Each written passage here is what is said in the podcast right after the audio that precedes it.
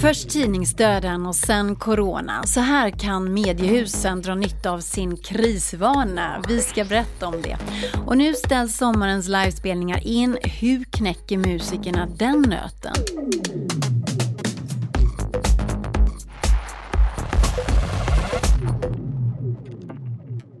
Hej, Katarina Andersson heter jag. Det här är Breakits podcast, en podd där vi spanar om entreprenörskap och det som vi kallar det nya näringslivet, digitala affärer till exempel. Och snart så ska vi träffa veckans spanare, men först så tar vi några telegram.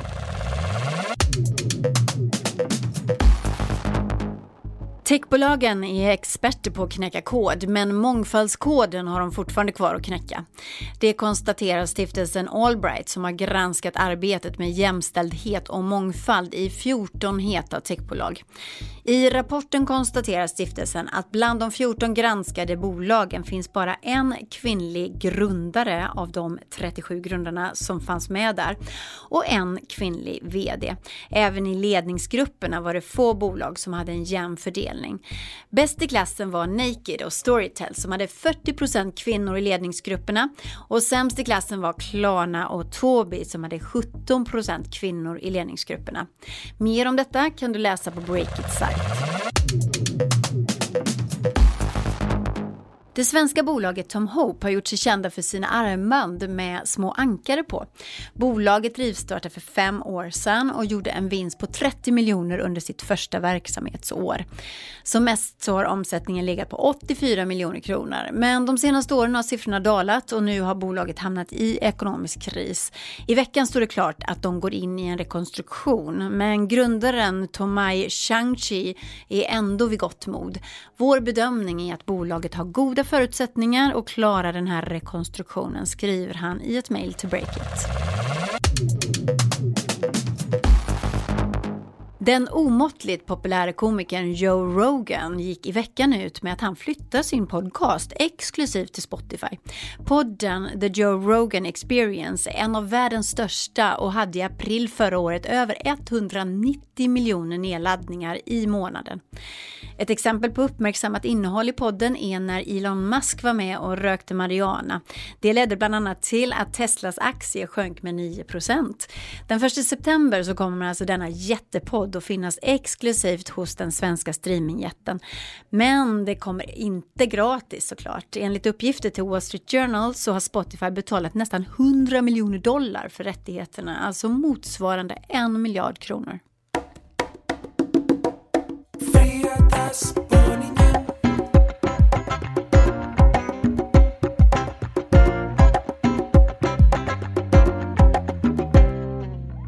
Mediebranschen gick igenom ett stålbad redan innan coronakrisen och nu tvingas de förnya sig igen. Hur hanterar mediehusen krisen? Och vad kan den här branschen lära andra branscher?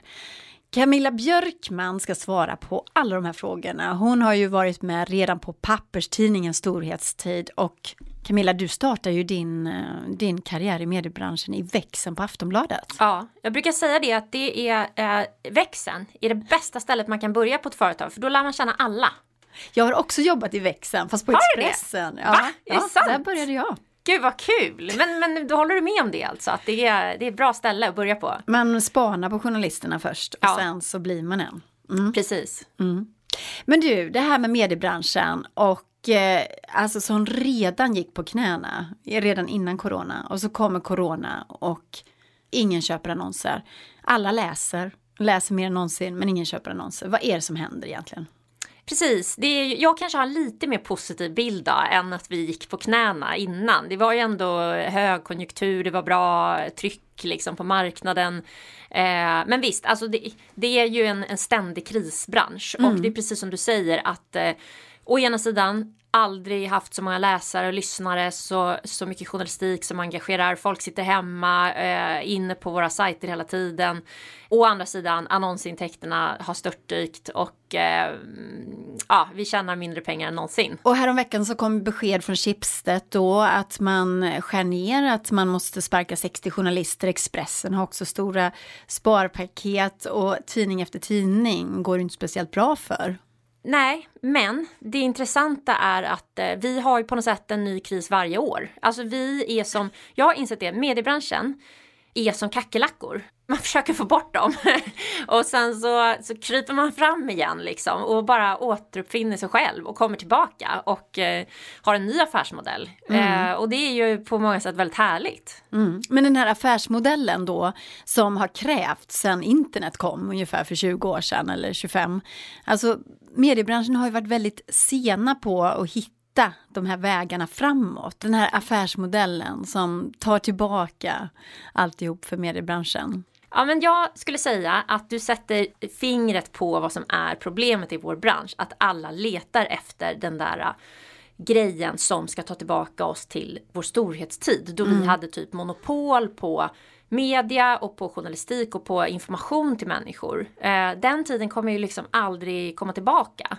Så dels måste man nog inse det, att det finns inte en grej. Jag tror i alla fall inte det. Nej. Och jag har ju sett hur de här trenderna kommer och går liksom. För fem år sedan då var det chattbottar.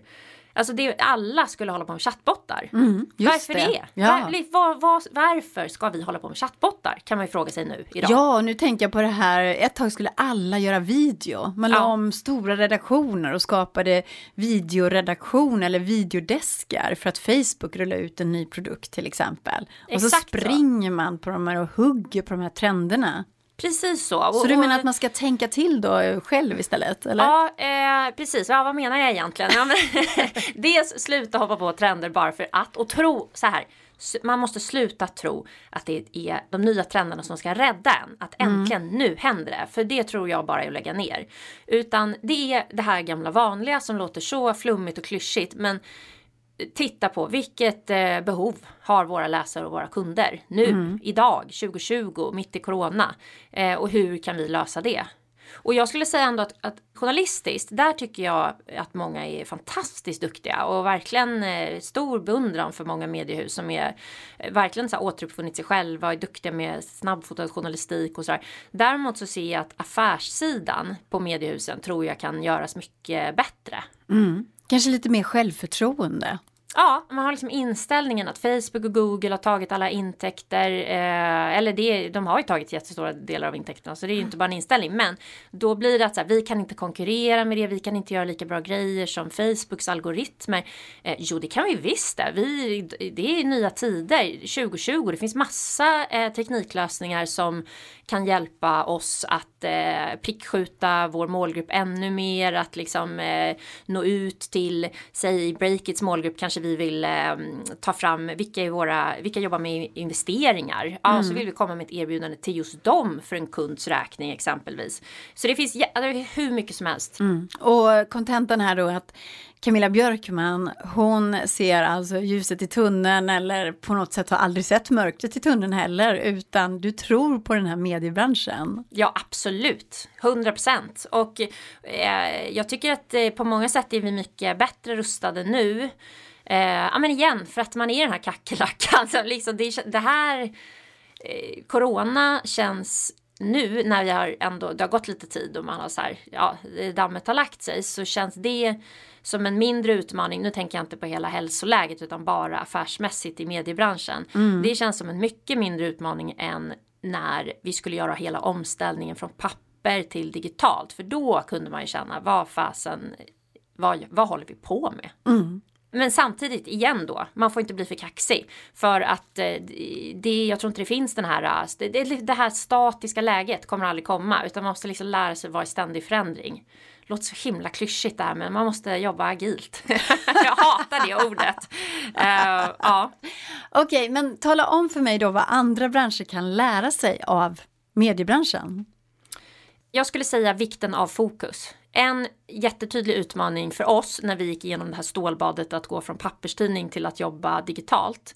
Eh, det var just att man trodde att man kunde hålla igång papperstidningen med samma kvalitet och affär och samtidigt bygga upp en helt ny affärsmodell. Och det funkade inte. Det funkade verkligen inte.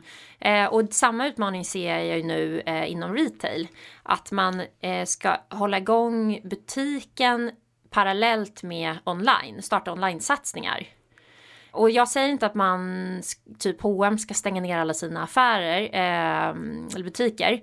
Men däremot så tror jag att många inom retail behöver tänka till kring hur kan vi ha en onlineorganisation som bara får springa och bara tokköra mm. och inte ska, eh, liksom, vad ska man säga, det låter hemskt att säga, men belastas av eh, butikssatsningen. Just För det, det kommer vara svårt. Mm. Och ett problem också när mediebranschen tog det här steget, måste jag sticka in, eh, från, från då liksom analogt till digitalt. Eh, det gällde ju också ja, men radion eller tvn också, så, så kändes det som att det var fortfarande de som hade jobbat med den äldre modellen som var herrar på täppan på något sätt. Och eh, de som jobbade på digitala desken eller så, de, de fick lägre status och de fick ingen makt på det sättet. Så du menar att man kan göra en maktförskjutning där och visa vem som styr, eller? Ja, eh, men det är lustigt att du säger det, för så var det ju även i, för mig och i min, liksom, den lilla sfär jag jobbade inom inom media. Mm. Men sen blev det nästan tvärtom, att det var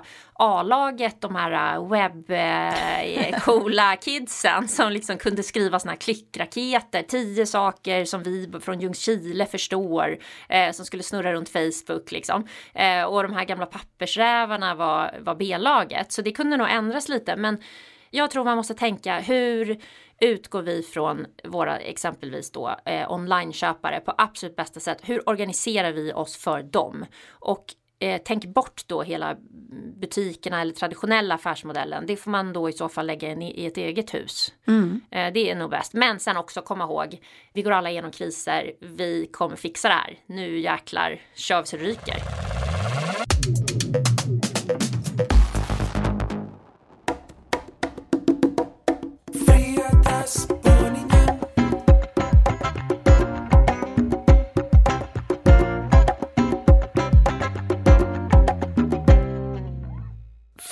Från kackerlackor, alltså överlevarna i mediebranschen som har det tufft, till en annan bransch som har det tufft i coronatider. Det är livespelningsbranschen. Hur hanterar alla artister avsaknaden av publik och hur ser branschen på framtiden? Vår egen eventchef Olivia Lindström, hon vet mer om det.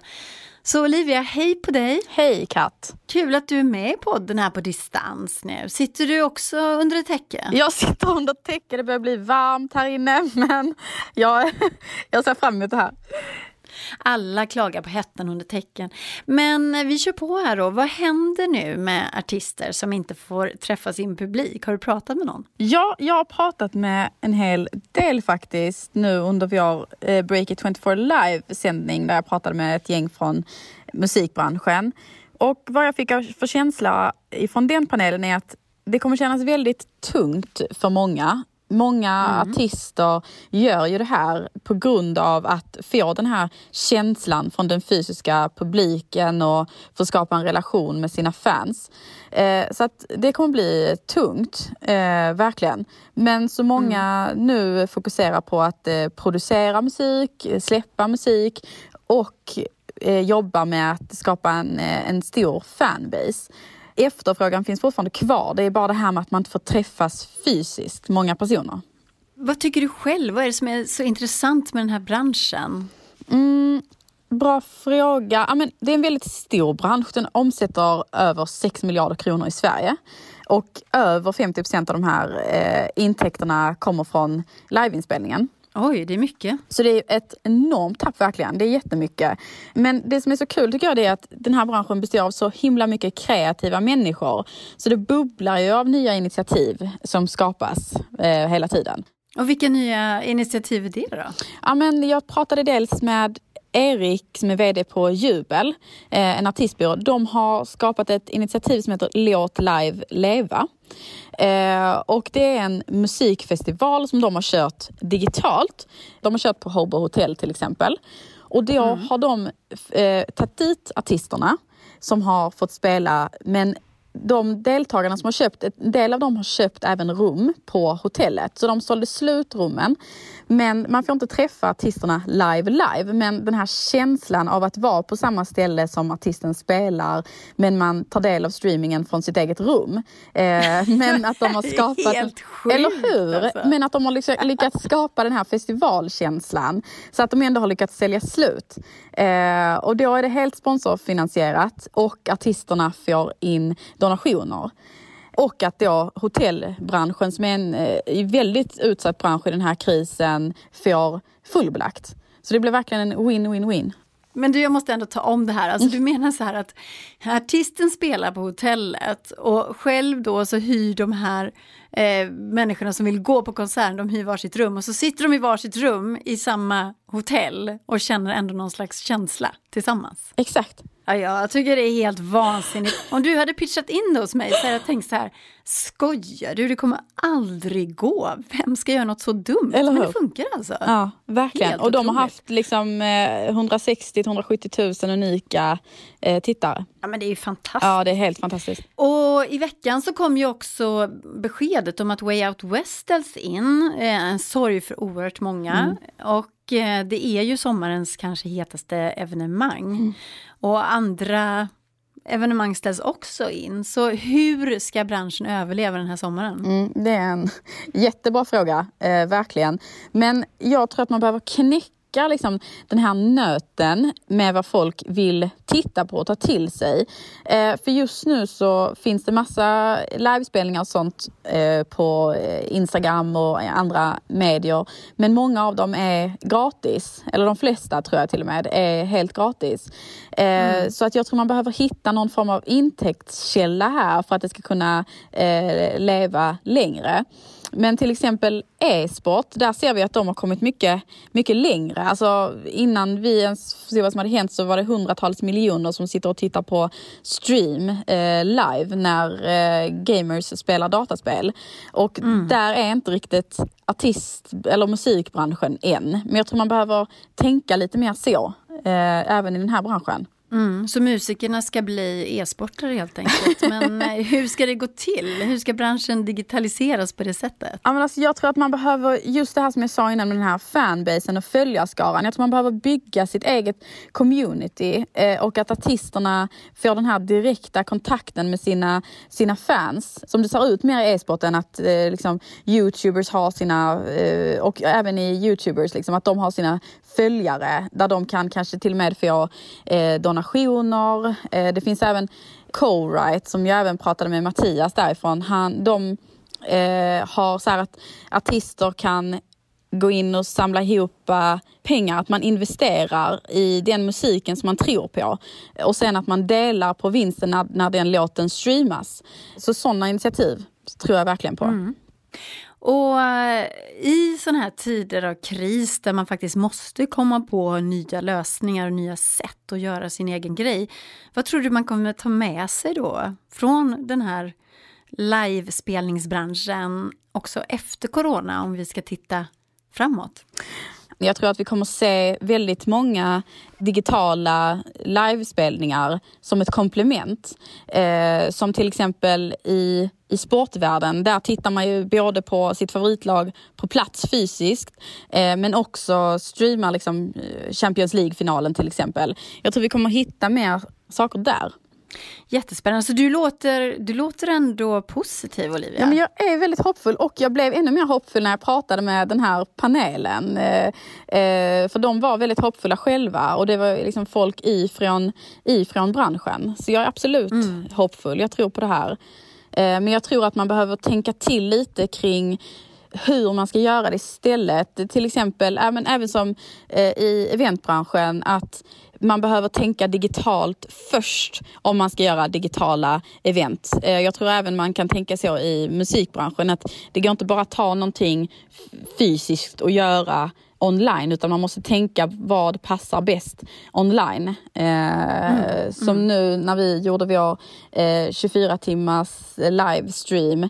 Att, eh, jag ty- tycker det var ett tydligt exempel på det. Eh, att man, man kan inte bara göra ett vanligt fysiskt event online. Utan Nej, man, måste... man kan inte bara stå på en scen och ställa upp en kamera. Nej. Utan man måste tänka mer, ja just det. Ja, men det där är jättespännande. Och, så du tycker själv då att du har lärt dig mycket under den här tiden som eventchef på Jättemycket, verkligen. Eh, också det här liksom hur snabbt saker och ting kan förändras. Eh, och det kastar verkligen om eh, sättet man måste tänka på och vara snabbfotad och lyssna in verkligen. För allting handlar i slutändan om vad kunderna, deltagarna, lyssnarna vill ha. Mm. Och vill de inte ha det man producerar, då får man ändra om. Du, eh, tusen tack för att du var med under täcket. Nu kan du få krypa Andas ut. ut. tack Olivia. Tack själv.